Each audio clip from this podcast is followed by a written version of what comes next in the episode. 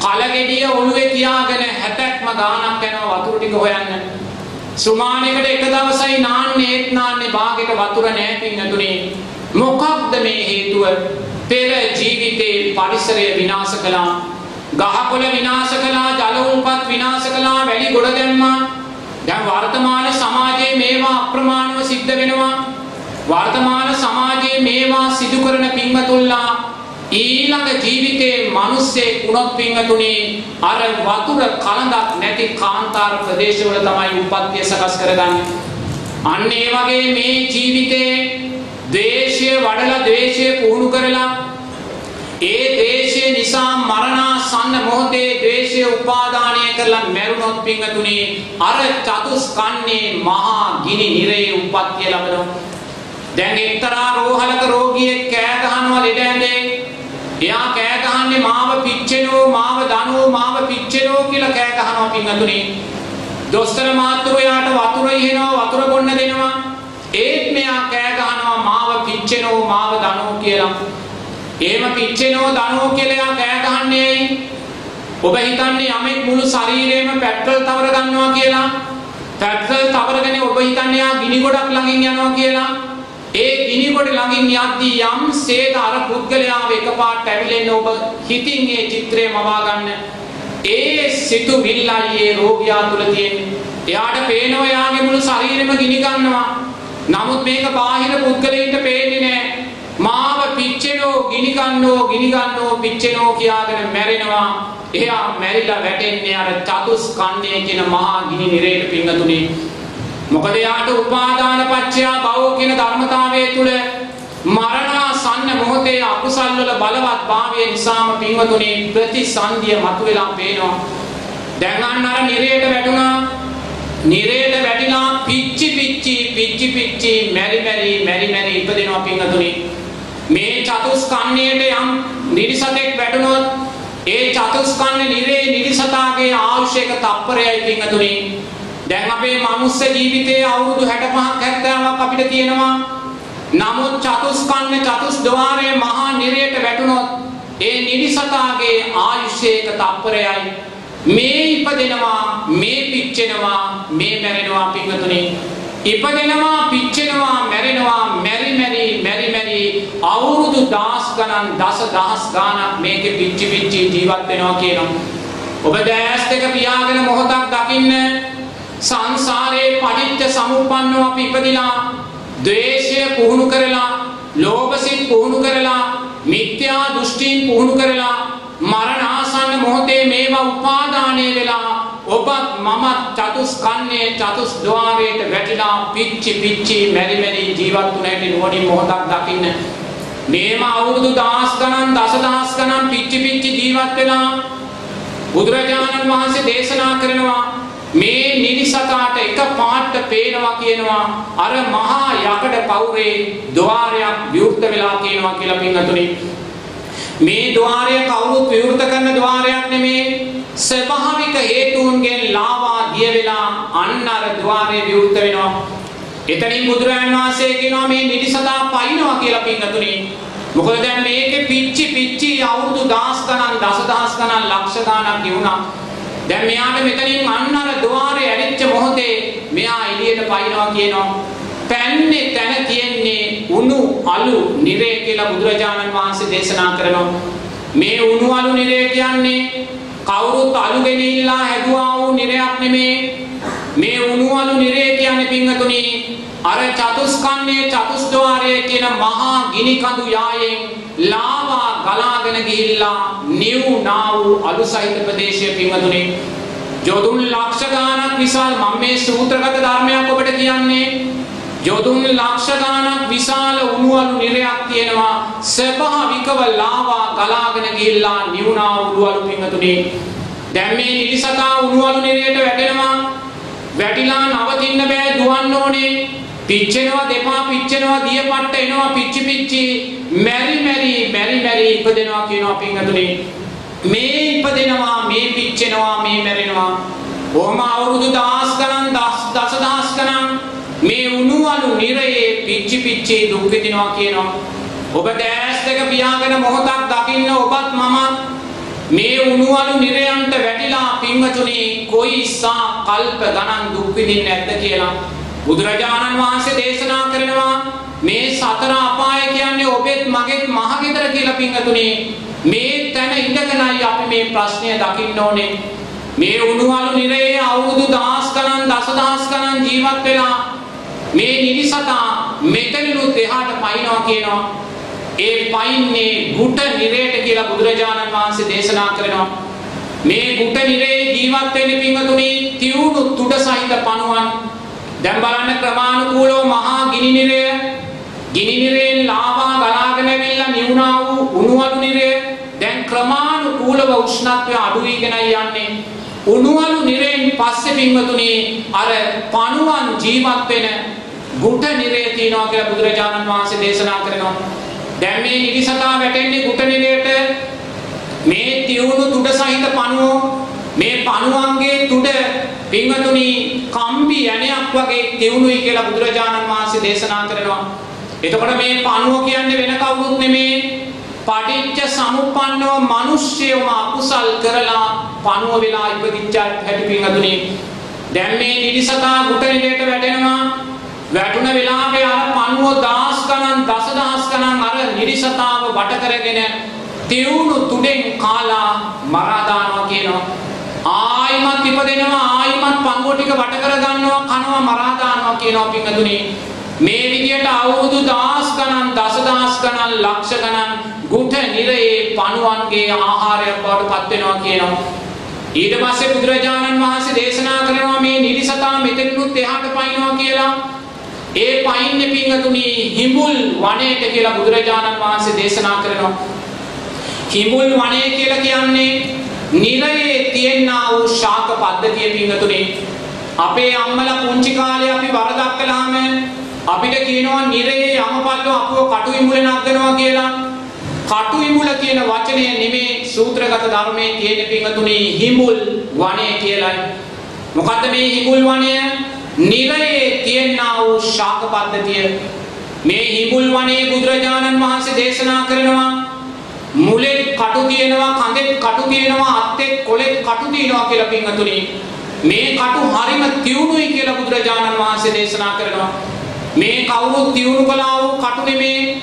ස්වභාවික පරිසරය විසින්ම හැදුනා වූ කටු පින්වතුනි. දැන් අපේ වියලි කලාපයේ ශාක පද්ධතිය ගන්න. මේ වියලි කලාපීය ශාක පද්ධතිය කටු සහිතවයි තියෙන්නේ පින්වතුනි. අර උෂ්ණානිත පරිසරයට ඔරොත්තු දෙන්න. අන්න හිඹුල් වනයේ අර කටු සහිත පරිසරයක් තමයි තියෙන්නේ. දැන් මේ නිරිසතා හිඹුල් වනයේට පයින්නවා. පැන්නට පස්සේ නවතින්න බෑ පොළොව ගිනියම් වෙලා තියෙන්නේ. මේ නිරිසතා දුවනවා. දුවන දුවන මොහොතක් පාසා පින්වතුනි අර තියුණු කටුවලට සම ඉරෙනවා කියනවා මස ඉරෙනවා කියනවා ඇට ඉරෙනවා කියනවා ඇට මිදුළු ඉරෙනවා කියනවා මැරි මැරි මැරි මැරි මැරි මැරි ඉපදිනවා කියනවා එතනොත් මැරි මැරි අවුරුදු දහස් ගණන් දසදහස් ගණන් ලක්ෂ ගණන් ජීවත් වෙනවා කියනවා. එහෙම ජීවත් වෙලා ආයා එතනිනුත් එහාට පයින්නවා කියනවා. ඒක අසිපත්‍ර නිරය කියලා බුදුරජාණන් වහන්සේ දේශනා කරනවා. මේ අසිපත්‍ර නිරය කියන්නේ නිරයේ තියෙනා වූ ස්වභාවික ශාක පද්ධතිය පිංගතුනේ.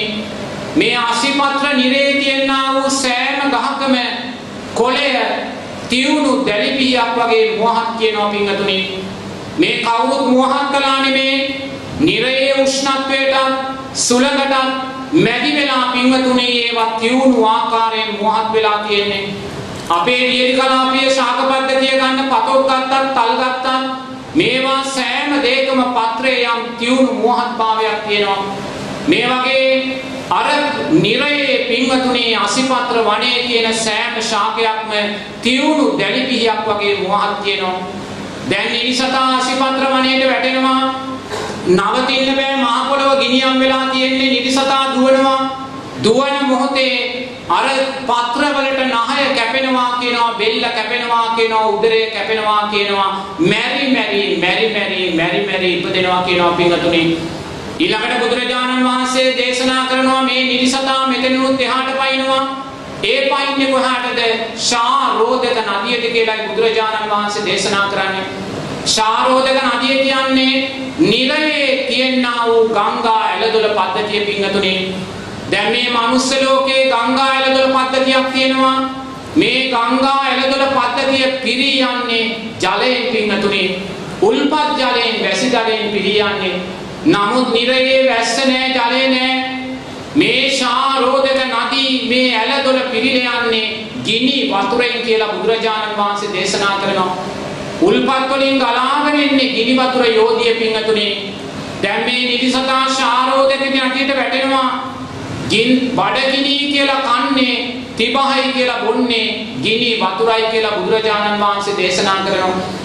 දිව පිච්චෙනවා කියනවා උගුර පිච්චෙනවා කියනවා බඩකොකු පිච්චෙනවා කියනවා මැරි මැරි මැරි මැරි මැරි මැරි උපදිනවා කියනවා පින්තුනේ මම මේ නිරයන් 28න් 128න් නිරයන් 6ක් ගැන විතරයි කිව්වේ පින්තුනේ එනම් පින්තුල්ලා දැස් දෙක පියාගෙන මොහොතක් දකින්න ඔබත් මමත් පටිච්ච සමුප්පන්නව සංසාරයේ අකුසල් කරලා සිල්පද බිඳලා ලෝභ දේශ මොහ ධර්මයන් වඩලා මිත්‍යා දෘෂ්ටි සරණ ගිහිල්ලා අර චතුස්කන්නේ චතුස්ද්වාරේ පිච්චි පිච්චි දුක් විඳපු හැටි නිරේ නුවණින් දකින්න.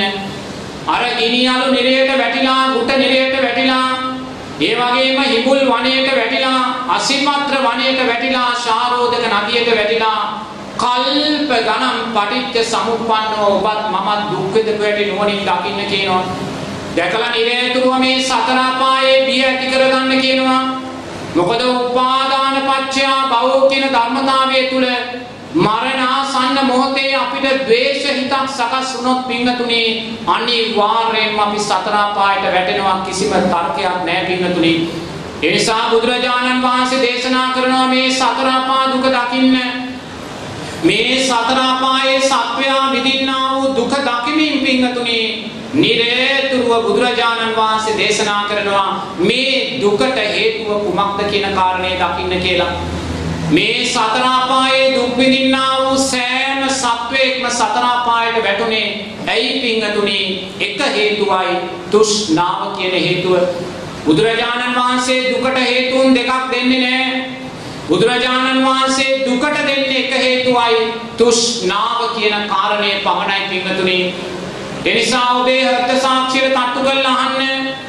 ඔබ තුල ජාති ජරා ව්‍යාධි මරණ ශෝක පරිදේව දුක්ඛ දෝමනස්යන් ප්‍රියංගෙන් වෙන්වීම අප්‍රියන්නා එක්වීම පංච උපාදානස්කන්ධය නිසා සකස් වෙන දුක සකස් වෙද්දී ඔබ මොනම හේතුවක් නිසාවත් හිතුවාද පිංගතුනි මේ දුක සකස් වුනේ තෘෂ්ණාව නිසායි කියලා අපි කවදාක්වත් හිතන්නේ නැහැ පිංගතුනි අපේට දුකක් සකස් වුණා නම් අපි සෑම මොහොතකම ඇඟිල්ල දික් කරන්නේ බාහිර සමාජයටමයි පිංගතුනි.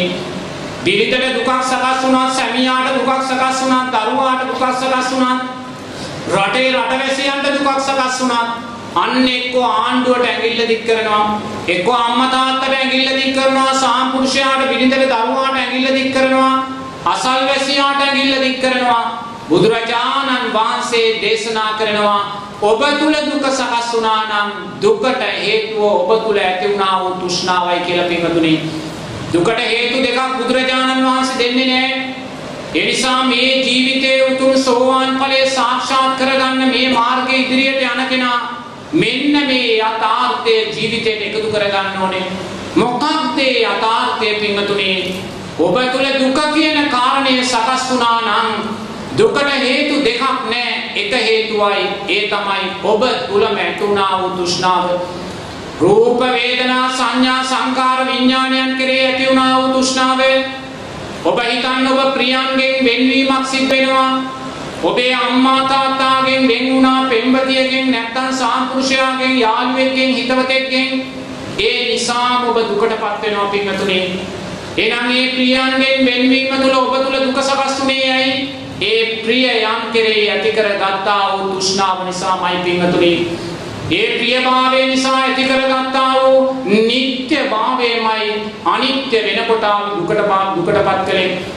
ඒ නිසා නිරේතුරුව බුදුරජාණන් වහන්සේ දේශනා කරනවා ඔබ තුල දුකක් සකස් වුණා නම් පින්වතුනි ඒ දුකට හේතුව තෘෂ්ණාව කියලා දකින්න.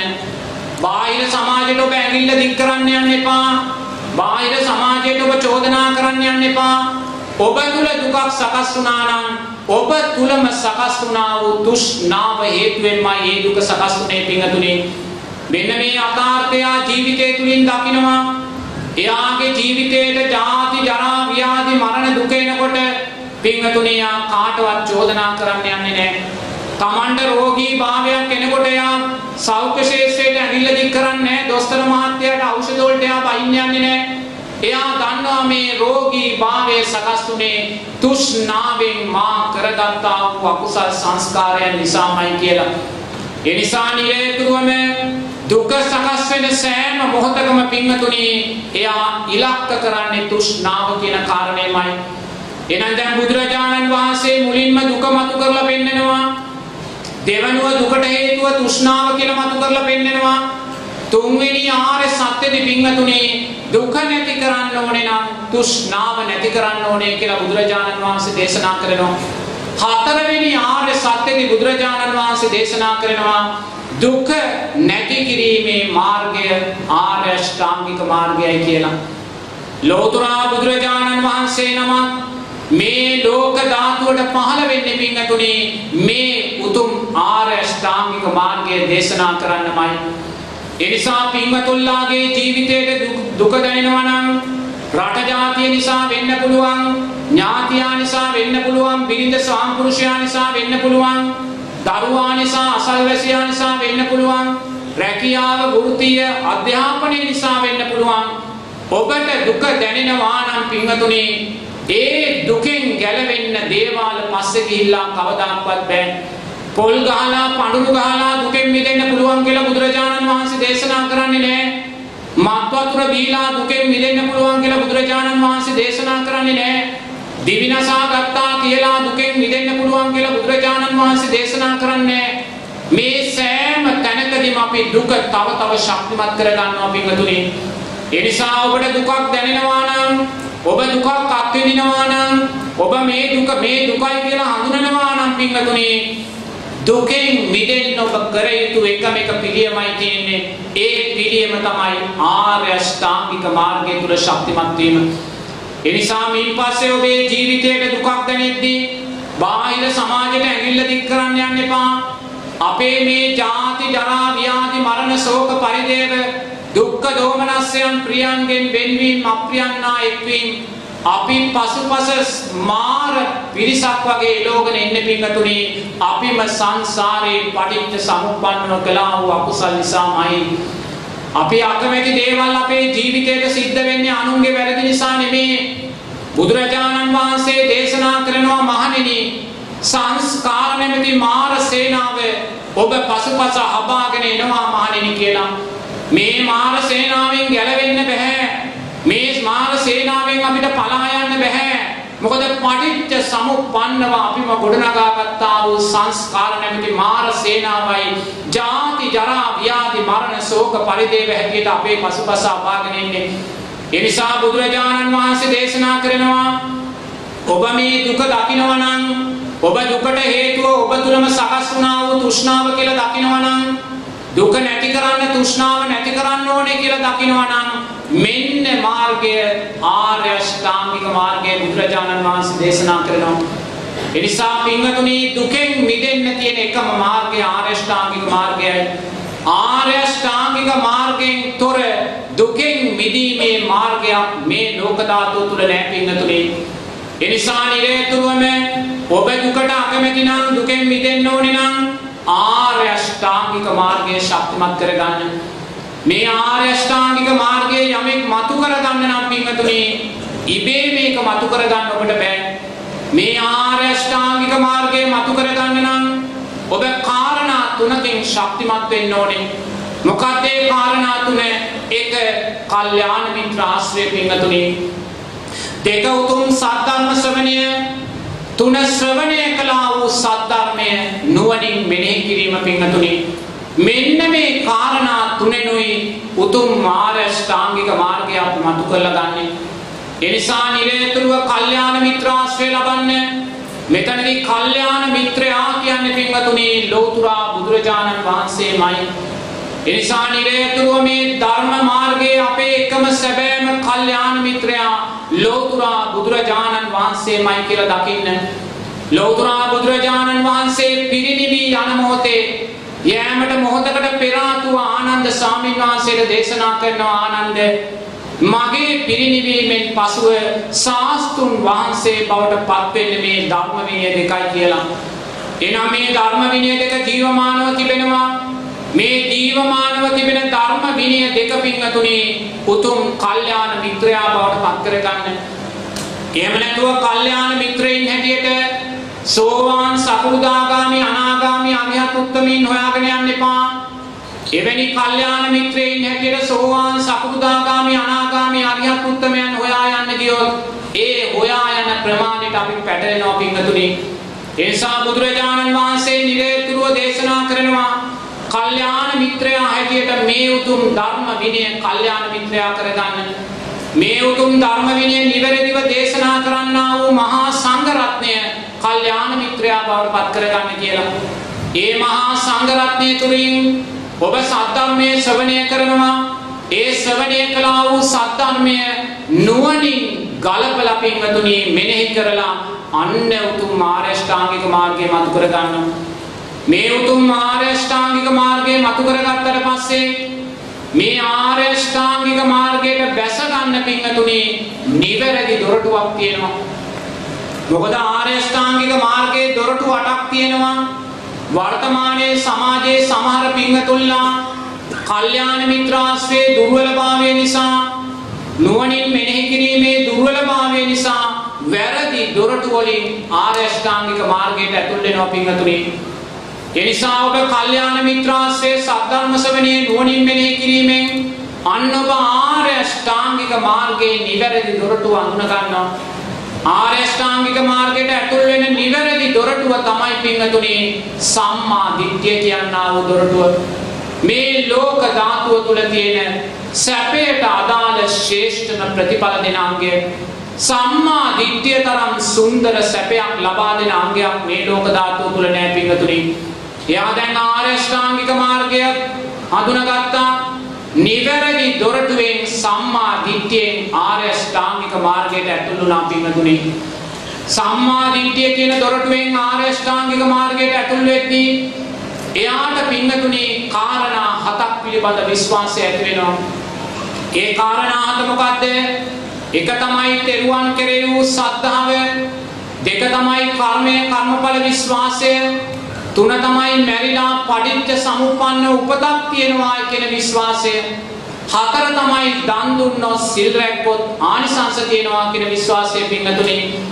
පස්වෙනි කාරණය අම්මා තාත්තාගේ ගුණයන් පිළිබඳ විශ්වාසය.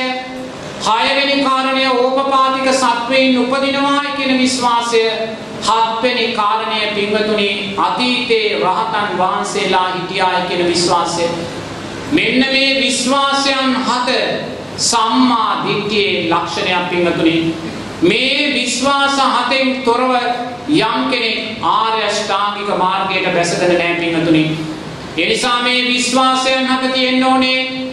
පළවෙනි කාරණය තෙරුවන් කෙරෙහි වූ සද්ධාව. එයා බුදුරජාණන් වහන්සේ ධර්ම රත්නයේ සංඝ රත්නයට ඉහළින් යම් ධර්මතාවයක් දකින්නේ නැහැ පින්වතුනි. නමුත් වර්තමාන සමාජයේ බුදුරජාණන් වහන්සේ අමතක කරලා දෙවියන් පසුපස බ්‍රහ්මයන් පසුපස වෙන වෙන මිනිස්සෙයින් පසුපස ගමන් කරන සමාජයක් අපි ඉදිරියේ තියෙනවා. ඒ කියන්නේ තෙරුවන් කෙරෙහි ශ්‍රද්ධාව දුර්වලයි. ඒ නිසා නිරේතුරුව බුදුරජාණන් වහන්සේ ධර්ම රත්නයේ සංඝ රත්නයේ කෙරෙහි ශ්‍රද්ධාව ගරුත්වය ඇති කරගන්න එය සම්මා දිට්ඨියේ පළවෙනි ලක්ෂණයක්. එදා ලෝතුරා බුදුරජාණන් වහන්සේ දීපංකර බුදුරජාණන් වහන්සේගේ පාදමූලෙදී අපේ බෝධිසත්වයින් නියත විවරණ ලබා ගත්තේ පින්තුනේ අනාගතේ සම්මා සම්බුද්ධ ශාසනයේ සම්මා සම්බුද්ධත්වයේ ලබා ගැනීමේ බලාපොරොත්තු වෙන්නයි. නමුත් එදා බෝධිසත්වයින් වහන්සේට තිබුණ අවශ්‍ය නම් දීපංකර බුදුරජාණන් වහන්සේගෙන් බණපද හතරක් අහලා උතුම් චතුරාර්ය සත්‍ය අවබෝධ කරගන්න. නමුත් එදා බෝධිසත්වයින් චතුරාර්ය සත්‍ය අවබෝධයට යන්නේ නැහැ පින්තුනේ. මේ දීර්ඝ බව ගමනට බහිනවා මන් තනියම චතුරාර්ය සත්‍ය අවබෝධ කරන්නේ නැහැ. තව සියක් කෝටි ප්‍රකෝටි ගානකට මේ උතුම් ධර්මයේ සැනසෙල්ල ලබා දෙනවා කියලා දස පාරමී ධර්මයන් පුරාගෙන සංසාරයට බහිනවා.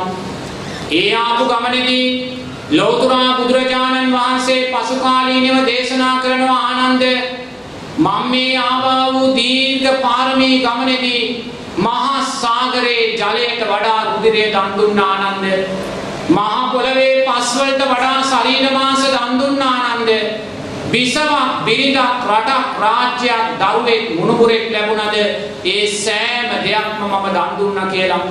කවුරුන් උදෙසාද පින්වතුනි ඔබ මම මේ මොහොතේ විඳින්නා වූ සැනසෙල්ල උදෙසා? ඉන්පස්සේ සිදුහත් කුමාරයා හැටියට උප්පත්තිය ලැබෙනවා. සක්විති රජකමේ උරුමය ලබනවා. රම්මේ සුරම්මේ සුබ සුබ මාලිගා ලබනවා. යසෝදරාව රාහුල වැනි පින්වත් සුරූපී බිරිඳක් දරුවෝ ලබනවා. මේ සෑම දෙයක්ම අලුයම එළියට දාන කෙරපිටක් වගේ එළියට දැම්ම පින්වතුනි. කවුරුන් උදෙසාද පින්වතුනි?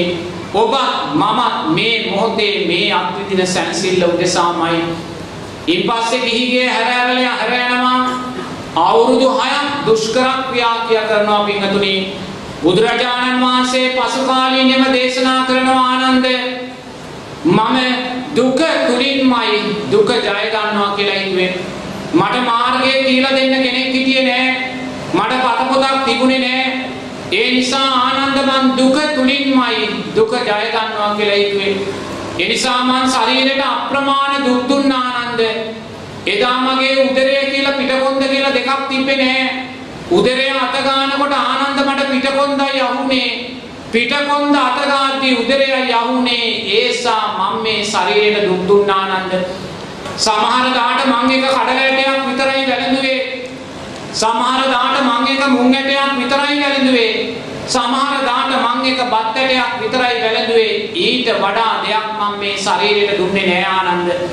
මොකද දුක තුලින්මයි දුක ජය ගන්න පුළුවන් කියලා මං හිතුවේ. මට දැන් ඇවිද ගන්න බෑ මට පණ නෑ මගේ ශරීරය කුෂ වෙලා. මම බඩ ගාගෙන යනවාර ගොපලු රෑන් හරක් ගාල් ඉන්න තැනට. ගොපලු දරුවා ඈතට යනකම් ඉඳලා මම අර හරක්ගේ තන පිටු වලට කට කියලා කිරි උරා බොනවා ආනන්ද. අර හරක් පයින් ගහද්දි මං කලන්තේ දාලා වැටෙනවා. සතිය දෙක මං ගව ගාල් වල කලන්තේ දාලා වැටිලා ඉන්නවා. මට නැවත සිහිය එනකොට මට නැගිට ගන්න පණ නෑ ආනන්ද. මම අර හරක් ගාලේ හරක් පැටව් දාලා තියෙන කහපාට අසූචි වළඳනවා ආනන්ද ඒ කහපාට අසූචි වළඳද්දි මට අපුල දුගදක් දැනුනේ නැහැ කියලා සූත්‍රගත ධර්මයේදී බුදුරජාණන් වහන්සේ දේශනා කරනවා.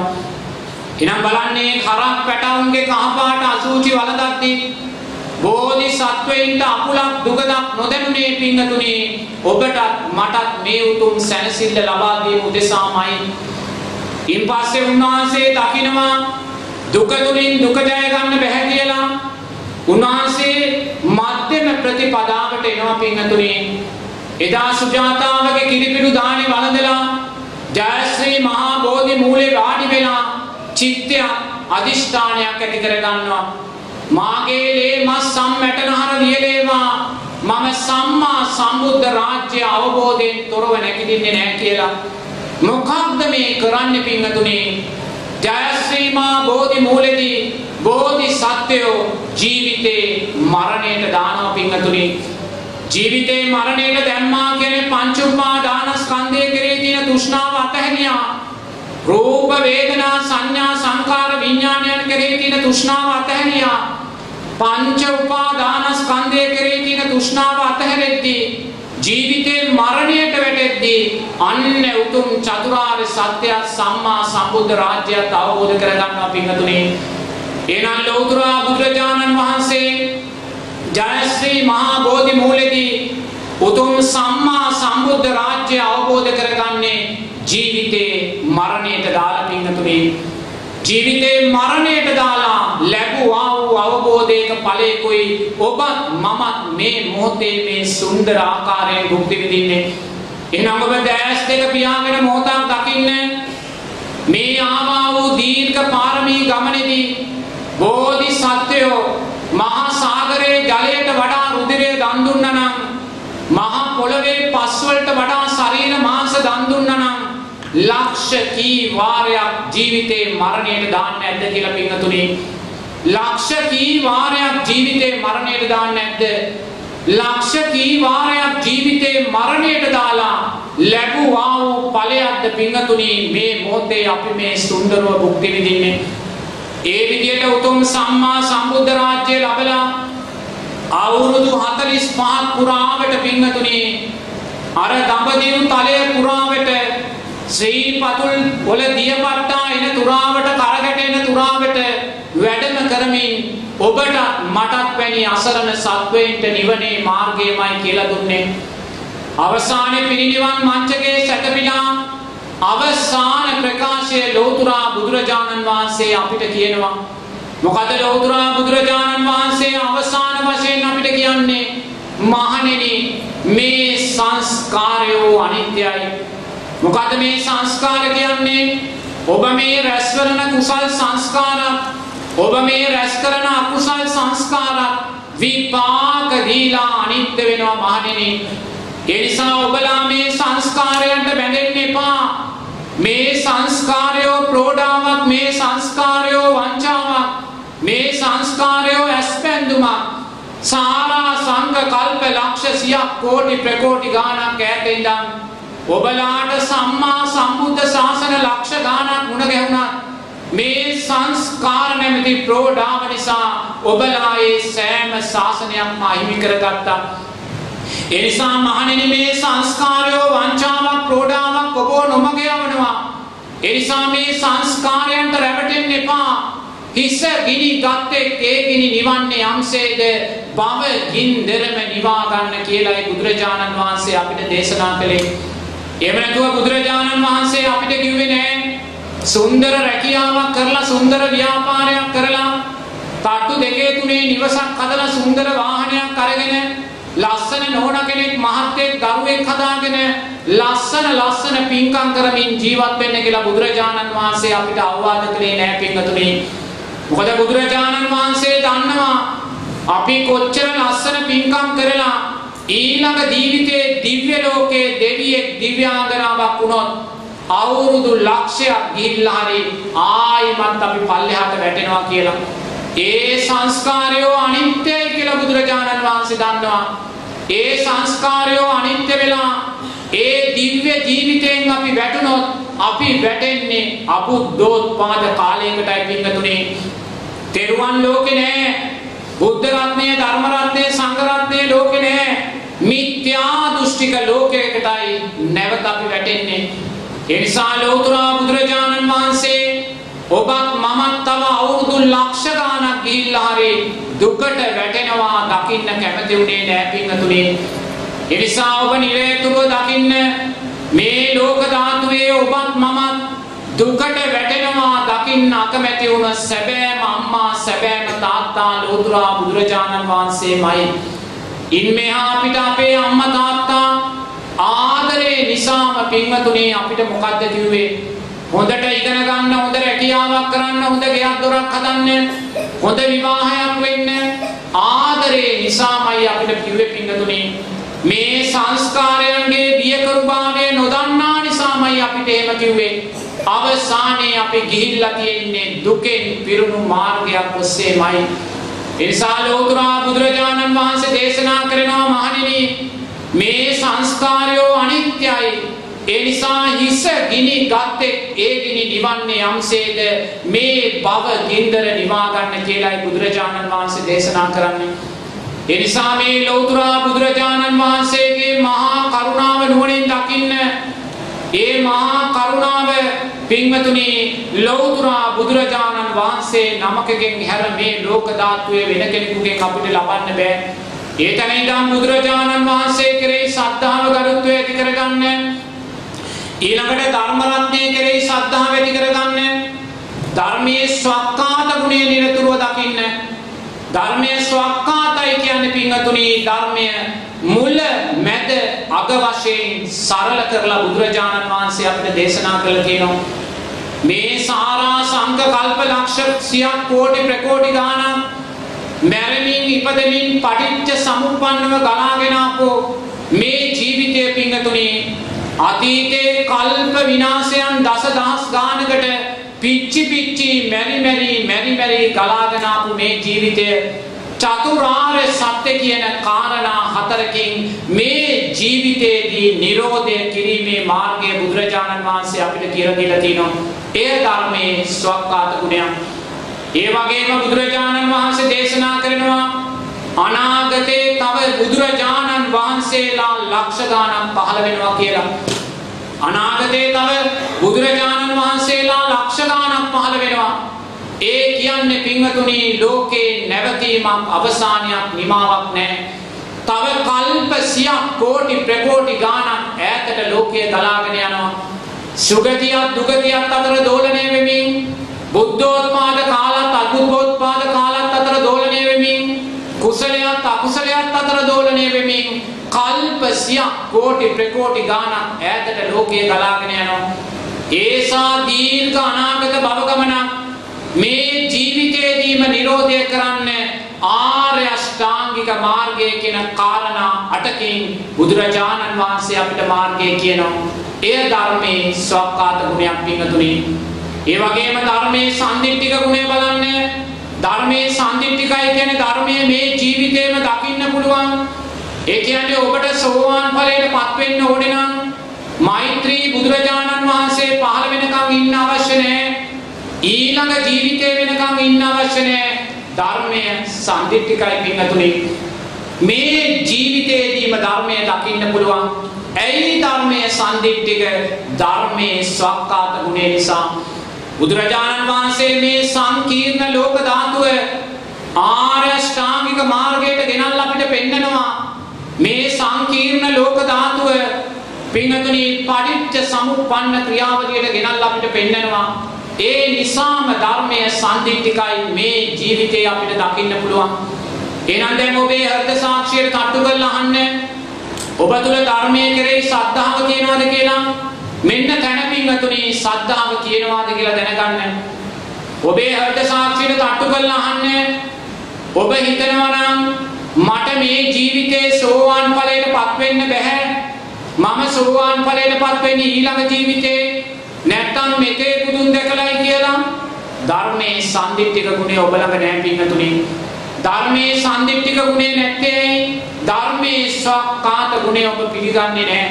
ඒ නිසාම පින්වතුනි ධර්මයේ කෙරෙහි ශ්‍රද්ධාව ඔබ තුල නැහැ. ඒ නිසා තමා තුල ධර්මයේ කෙරෙහි ශ්‍රද්ධාව තියනවාද කියලා තමා දකින්න නම් තමා දකින්න මේ ධර්මයේ සම්දික්තික ගුණය තමා තුල තියනවාද කියලා. ඒ නිසා තමා තුල විශ්වාසයක් ඇති කරගන්න මේ ජීවිතේදී මම උතුම් සෝවාන් ඵලය සාක්ෂාත් කරගන්නවා කියලා. ඔබට විශ්වාසය ඇති කරගන්න මොහොතේ ඔබ ධර්මය කෙරෙහි සද්ධාව ඇති කරගත්ත කෙනෙක් වෙනවා පින්වතුනි. ඔබ මේ දක්වා හිතනවා නම් මට මේ ජීවිතේ සෝවාන් ඵලයටපත් වෙන්න බැහැ කියලා එහෙම හිතෙන මොහොතක් පාසා ඔබ ධර්මයේ පින්වතුනි සද්ධාවෙන් බැහැරට යන කෙනෙක් බවට පත් වෙනවා. ඒ නිසා නිරේතුරුවම ධර්මයේ සක්කාත ගුණය ඔබට විශ්වාස නම් බුදුරජාණන් වහන්සේ කෙරෙහි සද්ධාව ඔබ තුල ශක්තිමත් නම් සන්දිට්ඨික ගුණය ඔබ තුල තියෙන්න ඕනේ පින්නතුනේ. ඒ නිසා ඔබ චිත්තයක් ඇති කරගන්න මම මරණාසන්න මොහොතේ අවසාන චුතිසිතේදී හරි මේ උතුම් සෝවාන් ඵලය සාක්ෂාත් කරගන්නවා කියලා. ඒ සාක්ෂාත් කරගන්නවා කියන චිත්තය ඇති කරගනිද්දී ඔබ තුල සද්ධාව අයෝමයේ විස වැඩෙනවා. අන බුදුරජාණන් වහන්සේ කෙරෙහි විශ්වාසය ශක්තිමත් වෙනවා. ධර්ම රත්නයේ කෙරෙහි විශ්වාසය ශක්තිමත් වෙනවා. ඒ තුල පින්වතුනි අයෝමය වශයෙන් ඔබේ සම්මා දිට්ඨියාර්ථයන් ශක්තිමත් කරගන්න. ඊළඟට ඔබ නිරේතුව සංඝ රත්නයේ ගුණයන් දකින්න. සංඝ රත්නයේ ගුණයන් දකිද්දි සංඝයාගේ මුල්ම ගුණය තමයි සුපටිපන්න ගුණය. සංඝයාගේ සුපටිපන්න ගුණය කියන්නේ පින්වතුනි සංඝයා කාමයන්ගේ ඉසරුභාවය දැකලා සංසාර බය දැකලා ගිහි ජීවිතේ පරිබෝධ බව දැකලා එයා ගිහි ජීවිතෙන් මිදිලා උතුම් පැවිදි උපසම්පදාවට පත් වෙනවා. ඒක තමයි සංඝයාගේ සුපටිපන්න ගුණය පිංගතුනි. මේ සුපටිපන්න ගුණය කිසිම ගිහි පින්වෙනෙකුට පිළිගන්නේ නැහැ පිංගතුනි. දැන් උග්‍ර ගෘහපතිවරයා අනාගාමී උපාසකවරේ විශාකා උපාසිකාව සෝවාන් ඵලයටපත් වෙච්ච උපාසිකාවක් මේ අයටත් පින්වතුනි සුපටිපන්න ගුණය නැහැ. මොකද මේ අය තාම ගිහි ජීවිතය තුලයි ඉන්නේ. ගිහි ජීවිතයේ පරිබෝධ බව දැකලා ගිහි ජීවිතෙන් බැහැර වෙලා නැහැ පින්වතුනි. ඒ නිසා සුපටිපන්න ගුණය පිහිටන්නේ මහා සංඝරත්නයේ පමණක්මයි. මෙන්න මේ සුපටිපන්න ගුණය ඇති කරගත්තට පස්සේ සුපටිපන්න ගුණය නිසාම පින්වතුනි උජුපටිපන්න ගුණය ඇති වෙනවා. උජුපටිපන්න ගුණය කියන්නේ ආ ඍජු මාර්ගය තුල ගමන් කරනවා. මොකක්ද ඍජු මාර්ගය? එයා දැන් දුක දැක්කා, සංසාර බය දැක්කා, සංසාර ගැඹුර දැක්කා. මම මේකෙන් මිදෙනවා කියන චිත්තය ඇති කරගත්තා. ඇති කරගෙන පැවිදි උපසම්පදාව ලැබුවා. දැන් එයා දුක නැති කරන ඍජු මාර්ගයේ ගමන් කරනවා. මොකක්ද මාර්ගය? ආර්ය අෂ්ටාංගික මාර්ගයේ පින්වතුනි.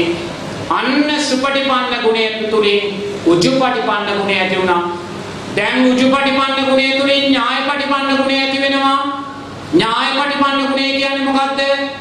එයා ආර්ය ශ්‍රාංගික මාර්ගය තුල ගමන් කරලා සම්මා සති සම්මා සමාධි ශක්තිමත් කරලා සම්මා ඥානයන් ඇති කර ගන්නවා පින්වතුනි.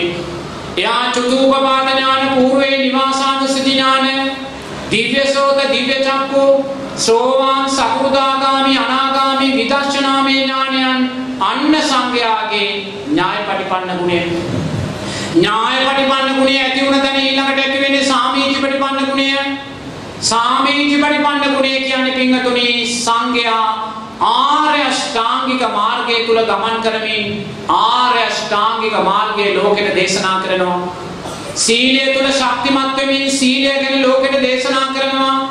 සමාධිය තුල ශක්තිමත් වෙමින් ප්‍රඥාව තුල ශක්තිමත් වෙමින් සමාධියට ප්‍රඥාවට මාර්ගය ලෝකෙට දේශනා කරනවා. එය සංඝයාගේ සාමීචිපටිපන්න ගුණයයි. එනම් බලන්න සුපටිපන්න ගුණය තුලින් උජුපටිපන්න ගුණය ඇති වුණා. උජුපටිපන්න ගුණය තුලින් ඥායපටිපන්න ගුණය ඇති වුණා. ඥායපටිපන්න ගුණය තුලින් සාමීචිපටිපන්න ගුණය ඇති වුණා. හේතුඵල ධර්මයන් පින්තුනි මෙන්න මේ ගුණයන් හතර නිසා මේ උතුම් සංඝයා මේ ලෝක ධාතුවේ ශ්‍රේෂ්ඨ පුද්ගලයන් අට දෙනා බවට පත් වෙනවා කියලා බුදුරජාණන් වහන්සේ දේශනා කරනවා. කවුද මේ පුද්ගලයන් අට දෙනා? සද්ධානුසාරි ධම්මානුසාරි සෝවාන් සකෘදාගාමි මාර්ගයේ සකෘදාගාමි ඵලය අනාගාමි මාර්ගයේ අනාගාමි ඵලය රහත් මාර්ගයේ රහත් ඵලය කියන මේ ශ්‍රේෂ්ඨ පුද්ගලයන් අට දෙනාගෙන් කෙනෙක් බවට සංඝයාපත් වෙනවා පින්තුනි මේ ශ්‍රේෂ්ඨ පුද්ගලයන් අට දෙනා ඉන්නේ සංඝ සමාජය තුල පමණයි සක්විති රජ කෙනෙකුටවත් මේ ශ්‍රේෂ්ඨ ගුණයක් නැහැ පින්තුනි සක්‍ර දෙවියන්ටවත් මේ ගුණයක් නැහැ. මොකද ඒගොල්ලෝ කාමයන් තුලයි ගිහි ජීවිත තුලයි තාම ජීවත් වෙන්නේ. එනිසා සංඝයාගේ මේ උතුම් ගුණයන් දකින්න ඔබ සංඝයාට බත් හැන්දක් පූජා කරද්දී ගිලම්පසක් පූජා කරද්දී සිව්පසයෙන් අපොප්පස්ථානය කරද්දී මේ සංඝයාගේ උතුම් ගුණයන් දකිමින් ඒ දේ පූජා කරගන්න. කොතනකවත් වර්තමාන ස්වාමින් වහන්සේලා බෙදන්න යන්න එපා. මේ ආරණ්‍ය ස්වාමින් වහන්සේ මේ පන්සලේ ස්වාමින් වහන්සේ මේ කුටියේ ස්වාමින් වහන්සේ කියලා බුදුරජාණන් වහන්සේ අපිට සංඝයා ඒ විදිහට දකින්න කියලා දේශනා කරන්නේ මේ සෝවාන් වෙච්ච හාමුදුරුවෝ මේ සකෘදාගාමී වෙච්ච හාමුදුරුවෝ මේ අනාගාමී වෙච්ච හාමුදුරුවෝ මේ රහත් වෙච්ච හාමුදුරුවෝ කියලා ස්වාමින් වහන්සේලා වර්ග කරන්න කියලා බුදුරජාණන් වහන්සේ අපිට දේශනා කරන්නේ නමුත් සද්ධාවේ දුර්වලභාවයන් නිසාම අපි මේ වැරදි සමාජගත කරනවා පින්වතුනි ඒ නිසාම බලවත් අනතුරකට සංඝ සමාජය වගේම මේ උතුම් සම්මා සම්බුද්ධ ශාසනයක් ක්‍රමානුකූලව ගමන් කරනවා. ඇයි බුදුරජාණන් වහන්සේ කිව්වේ තන අපි නැහැ පින්වතුනි. ඒ නිසා මොනම හේතුවක් නිසාවත් සාමින් වහන්සේලාගේ හරි වැරදි හොයන්න යන්න එපා. බුදුරජාණන් වහන්සේ ස්වාමින් වහන්සේලාට නිවැරදි වෙන්න උතුම් ප්‍රාතිමෝක්ෂ සීලයක් දේශනා කළා කියනවා. ඒ ප්‍රාතිමෝක්ෂ සීලය තුල සිල්පද 227ක් තියෙනවා.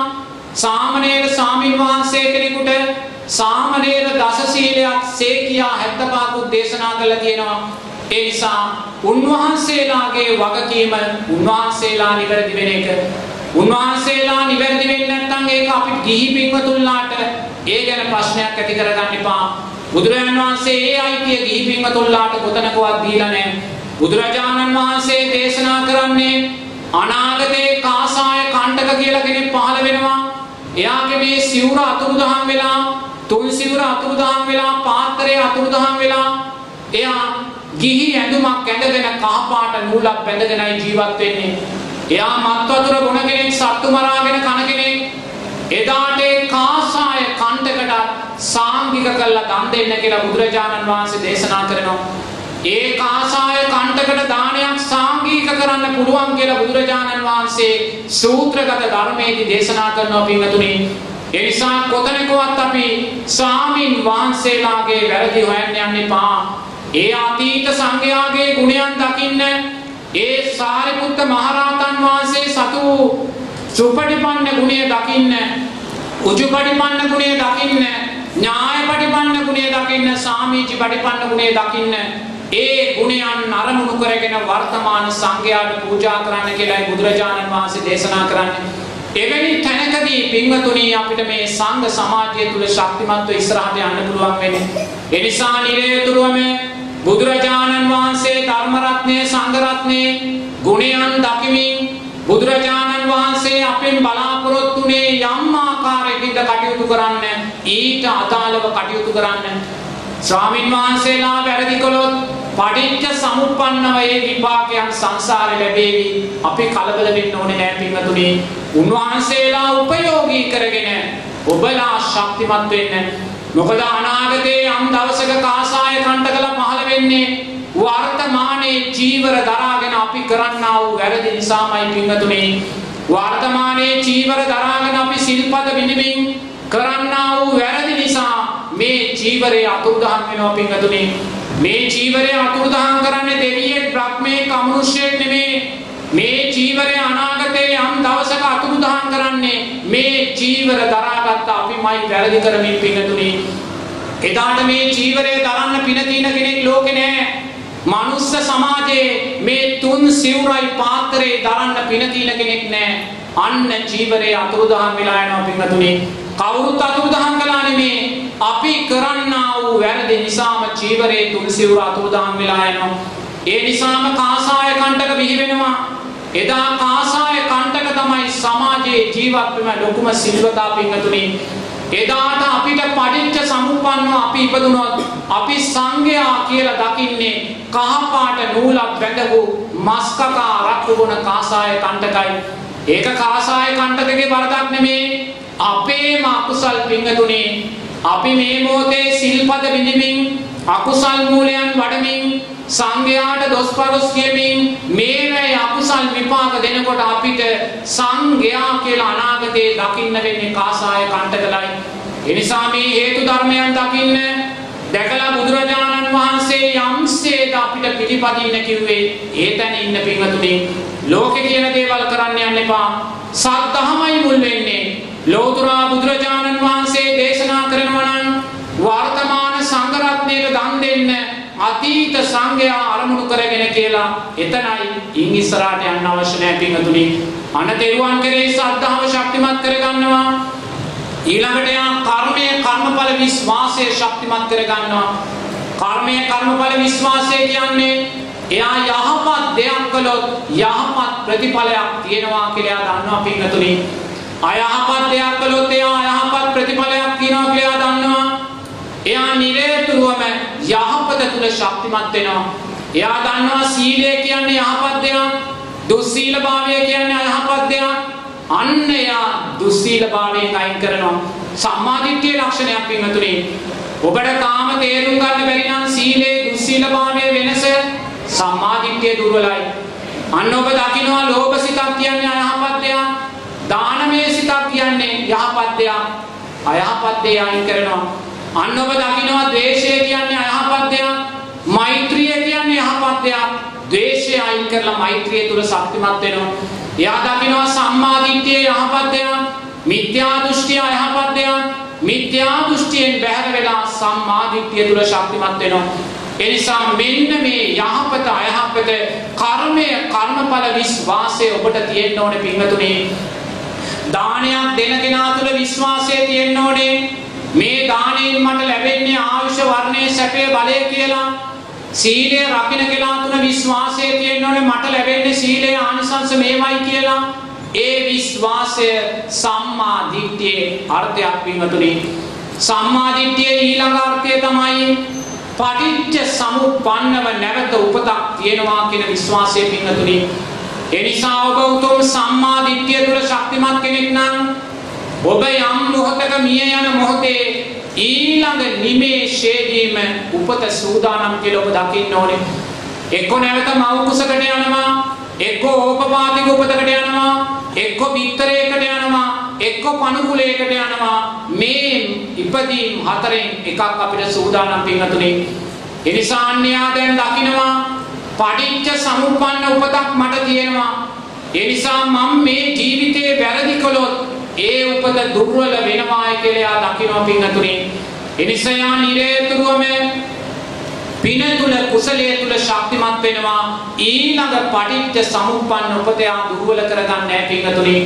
සම්මාදිට්ඨියේ ඊළඟ අර්ථය තමයි දානේ සීලේ ආනිසංස පිළිබඳ විශ්වාසයක් තියෙන්න ඕනේ. එයා විශ්වාසයක් තියනවා දන් දුන්නොත් මට මේ දේ ලැබෙනවා. එයා දන්නවා දිව්‍ය තලවල සුන්දර විචිත්‍ර දෙවියන් දිව්‍යාංගනාවන් කියන්නේ දානේ සීලේ ඵලයමයි කියලා පින්වතුනි. ඒ වගේම මේ මනුස්ස සමාජය තුළ ජීවත් වෙන මහේශාක්‍ය ප්‍රභූ ජීවිත කියන්නේ මොකද්ද? දානේ ඵලයක්මයි. ආයුෂ වර්ණයේ සැපේ බලය කියන්නේ පෙර ජීවිතේ දානේ ඵලයමයි පින්වතුනි. මෙන්න මේ කාරණය තේරුම් ගත්ත කෙනා කවදාක්වත් තියෙන කෙනෙකුට ද්වේෂ කරන්නේ නැහැ. ප්‍රභූ කෙනෙකුට වෛර කරන්නේ නැහැ. ධනපති පන්තිය භංග වේවා කියලා කියන්න යන්නේ නැහැ. විප්ලව කරන්න යන්නේ නැහැ. එයා දන්නවා මේ ප්‍රභූ භාවය කියන්නේ දානේ ආනිසංශයක්මයි කියලා පින්නතුනි. එයාට දානේ ආනිසංශ දුර්වල නම් එයා ශක්තිමත්ව දන් දෙමින් ඒ ආනිසංශ පක්ෂය වැඩි කර ගන්නවා. ඒ වගේම එයා සීලේ ආනිසංශ දකිනවා. සීලේ පළවෙනි ආනිසංශය තමයි ජනප්‍රියභාවය පැතිරෙනවා. සමාජයේ අප්‍රමාණ ජනප්‍රිය චරිත ඉන්නවා. දේශපාලනය ගත්තත්, කලා ශාස්ත්‍රය ගත්තත්, අධ්‍යාපන ශාස්ත්‍රය ගත්තත්, හමුදා ශාස්ත්‍රය ගත්තත් ජනප්‍රිය චරිත දිනනවා පින්තුනේ. මේ ජනප්‍රිය භාවය කියන්නේ මොකද්ද? පෙර ජීවිතේ සීලේ ඵලයමයි පින්තුනේ. සීලේ ඵලයමයි වෙන දෙයක් නෙමෙයි. එතකොට ඒ සීලේ ඵලය නිසා මේ ජීවිතේ ජනප්‍රියභාවය ලබද්දී තව කෙනෙක් ඊට ද්වේෂ කරලා වෛර කරලා තේරුමක් නැහැ. තව කෙනෙක් ද්වේෂ කරලා වෛර කරලා තේරුමක් නැහැ. Tamanට ජනප්‍රියභාවය දුර්වල නම් Taman ජනප්‍රිය කෙනාට ද්වේෂ කිරීමෙන් තව තව තමාගේ ජනප්‍රියභාවය පිරීලා යනවා. ඒ නිසා යා අන්න දැන් දන්නවා සීලේ ආනිසංශයක් මොකද්ද ජනප්‍රියභාවය? මට ජනප්‍රියභාවය දුර්වල නම් ඒ කියන්නේ මගේ සීලේ සංස්කාරයන් දුර්වලයි පින්නතුනේ. එනිසා නිරේතුරුව තව තව ශක්තිමත්ව සීලය ආරක්ෂා කරනවා. ජනප්‍රිය භාවයට අදාළ ධර්මතාවයන් යා සාක්ෂාත් කරගන්නවා. එය පිංගතුනි සම්මාදිට්ඨිය අර්ථයක්. පස්වෙනි සම්මාදිට්ඨිය අර්ථය තමයි අම්මා තාත්තාගේ ගුණයන් පිළිබඳ විශ්වාසය පිංගතුනි සම්මාදිට්ඨිය තුල ජීවත් වෙන කෙනා අම්මා තාත්තාගේ ගුණයන් පිළිබඳ විශ්වාසය ඇති කරගන්න ඕනේ. බුදුරජාණන් වහන්සේ දේශනා කරනවා අම්මා තාත්තා කියන්නේ මහා බ්‍රහ්මයා කියලා පින්වතුනේ. මහා බ්‍රහ්මයා මේ ලෝකයේ දෙස බලන්නේ මෙත්තා කරුණා මුදිතා උපේක්ෂා කියන සතර බ්‍රහ්ම විහරණයන්ගෙන්. ඒ වගේමයි අම්මා තාත්තා දරුවන් වන ඔබලා දෙස බලන්නේ මෙත්තා කරුණා මුදිතා උපේක්ෂා ගුණයන්ගෙන් කියලා බුදුරජාණන් වහන්සේ දේශනා කරනවා. ඔබ හිතන්න ඔබේ යම් දවසක ඔබේ මව් කුසේ පිළිසිඳ ගත්තද? ඔබේ අම්මා දැනගන්නවා මගේ මව් කුසේ දරුවෙක් පිළිසිඳ ගත්තා කියලා. අම්මා ඒ රහස මුලින්ම කිව්වේ ඔබේ තාත්තටමයි. ඒ දෙන්න එකතු වෙලා එදා මොකද්ද කළේ? එදා හවස මුලින්ම ගියේ ගමේ පන්සලේ බෝධින්නාංශ ළඟට පින්නතුනේ. බෝධි වන්දනාවක් කරලා බෝධි පූජාවක් තියලා පඳුරක් ගැට ගහලා බුදුරජාණන් වහන්සේට බාරයක් වෙනවා මගේ මව් කුසේ පිළිසිඳගත් දරුවා සුවසේ වැඩේවා සුවසේ දීවේවා කියලා. තාමේ දරුවා සුදුද කළුද කියලා දකින් දන්නේ නැහැ. ඒ දරුවා ගැහැණු දරුවෙක්ද පිරිමි දරුවෙක්ද කියලා දන්නේ නැහැ. දරු ගැබක් හටගත්තා කියලා පමණයි දැක්කේ පින්වතුනි. මහා සර සතර බ්‍රහ්ම ගුණයන්නේ අම්මා තාත්තා තුල ඇති වෙනවා. ඒ වගේම දෙවෙනුව බුදුරජාණන් වහන්සේ දේශනා කරනවා ආනන්තරීය පාප කර්ම ගැන දේශනා කරනකොට රහතන් වහන්සේ මැරීමත් ආනන්තරීය පාප කර්මයක් අම්මා තාත්තා මැරීමත් ආනන්තරීය පාප කර්මයක් කියලා පින්වතුනි. එහෙනම් බලන්න අම්මා තාත්තා රහතන් වහන්සේ කියන තැන බුදුරජාණන් වහන්සේ කියලා කියනවා.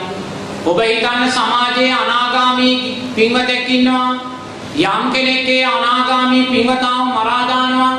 අනාගාමී පින්වතාව මැරුවා කියලා ඒක ආනන්තරීය පාප කර්මයක් වෙන්නේ නැහැ පින්වතුනි. නමුත් අම්මා තාත්තා මැරුවොත් ඒක ආනන්තරීය පාප කර්මයක් වෙනවා. ඒ කියන්නේ අනාගාමී පින්වතාටත් වඩා ශක්තිමත් තැනක බුදුරජාණන් වහන්සේ පින්වතුනි අම්මා තාත්තාව තියලා තියෙනවා. එනම් බලන්න අම්මා තාත්තා මහා බ්‍රහ්මයා හැටියට රහතන් වහන්සේ කෙනෙක් හැටියට ඔබේ නිවසට බුදුරජාණන් වහන්සේ ගෙනල්ලා දීලා තියෙන්නේ දරුවන් වන ඔබලාට අම්මා තාත්තා තුලින් පින් කරගන්නමයි පින්වතුනි. මොකද අපිට කවදාකවත් මහා බ්‍රහ්මයා එහෙන් දකින්න බෑ. රාතන් වහන්සේලා එහෙන් දකින්න බෑ. නමුත් පින්තුනි අම්මා තාත්තා තුලින් බුදුරජාණන් වහන්සේ මහා බ්‍රහ්මයාත් රහතන් වහන්සේ ඔබේ ගෙදරට ගෙනත් දීලා තියෙනවා. ඒ නිසා දරුවන් දක්ෂ වෙන්න ඕනේ. මේ උතුම් අම්මා තාත්තා කියන ගුණයන් දැනගෙන ඒ අම්මා තාත්තා තුලින් ගන්න තියෙන උතුම් කුසලය ජීවිතයට එකතු කරගන්න පින්තුනි එය සම්මා දිට්ඨිය ලක්ෂණයක්. ඊළඟ සම්මා දිට්ඨිය අර්ථය තමයි ඕපපාතික සත්වයින් උපදිනවායි කියන විශ්වාසය පින්වතුනි. පින්වතුන්ලා තුළ විශ්වාසයක් තියෙන්න ඕනේ. දෙවියෙක් බ්‍රහ්මයෙක් ප්‍රේතෙක් නිරිසතෙක් යක්ෂයෙක් ඕපපාතිකව ඉපදෙනවා කියලා පින්වතුනි. දැන් විද්‍යාව හදාගෙන පින්වතුන්ලාට ඕපපාතික සත්තු උපත විශ්වාසයක් නැහැ ඒගොල්ලෝ ඕපපාතික සත්වයින් උපදිනවා කියලා විශ්වාස කරන්නේ නැහැ පින්වතුනි. ඒ කියන්නේ තාම සම්මා දිට්ඨියටපත් වෙලා නැහැ සම්මා දිට්ඨියට පත්ුනේ නැත්නම් ආර්ය අෂ්ටාංගික මාර්ගය ගැන කතා කරලා වැඩක් නැහැ. ඒ නිසා ඔබ තුල ඕපපාතික සත්‍යපද පිළිබඳ විශ්වාසය තියෙන්න ඕනේ. ඒක ඔබට ඇහෙන් දකින්න බෑ. ඔබ කවදා හරි චතුූපපාත ඥාන పూర్වේ නිවාසානුස්සති ඥාන තුලින් ඔබ මේක දකින්නේ. එතෙක් බුදුරජාණන් වහන්සේ දේශනා කරපු නිසා ඔබ පිළිගන්න ඕනේ. ඒ නිසා නිරේතුරු ඕපපාතික සත්‍යපද පිළිගන්නේ ඔබ දෙවියෙක් බ්‍රහ්මයෙක් ඕපපාතිකව ඉපදෙනවා කියලා විශ්වාස නැත්නම් ඔබට දෙවියෙක් බ්‍රහ්මයෙක් වෙන්න පුළුවන් කියන විශ්වාසය නැතුව යනවා. ඒ නිසා ඔබ තුල කුසල් වැඩෙන්නේ නැහැ. ඔබ ප්‍රේතෙක් නිරිසතෙක් ඉන්නවා කියලා විශ්වාස කරන්නේ නැත්නම් ඔබ අකුසලයට බයක් ඇති කරගන්නේ නැහැ පින්වතුනි. ඒ නිසා සම්මා දිට්ඨිය අර්ථයන්ට බුදුරජාණන් වහන්සේ මේ කාරණේ දානවා. හත්වෙනි අර්ථය තමයි අතීතයේ සෝවාන් සකෘදාගාමී උත්තමයෝ හිටියා කියන විශ්වාසය. ඒ නිසා ඔබ තුල විශ්වාසයක් තියෙන්න ඕනේ. අතීතයේ මේ උතුම් අධිගමලාභීන් හිටියා කියලා ඒ විශ්වාසය ඔබට නැත්තම් මට මේ ජීවිතේ සෝවාන් ඵලයටපත් වෙන්න පුළුවන් කියන විශ්වාසය ඔබට නැති වෙනවා. එනිසා මෙන්න මේ කාරණා හත පින්වතුනි සම්මා දිට්ඨිය අර්ථයන් මොනවද ඒ කාරණා හත?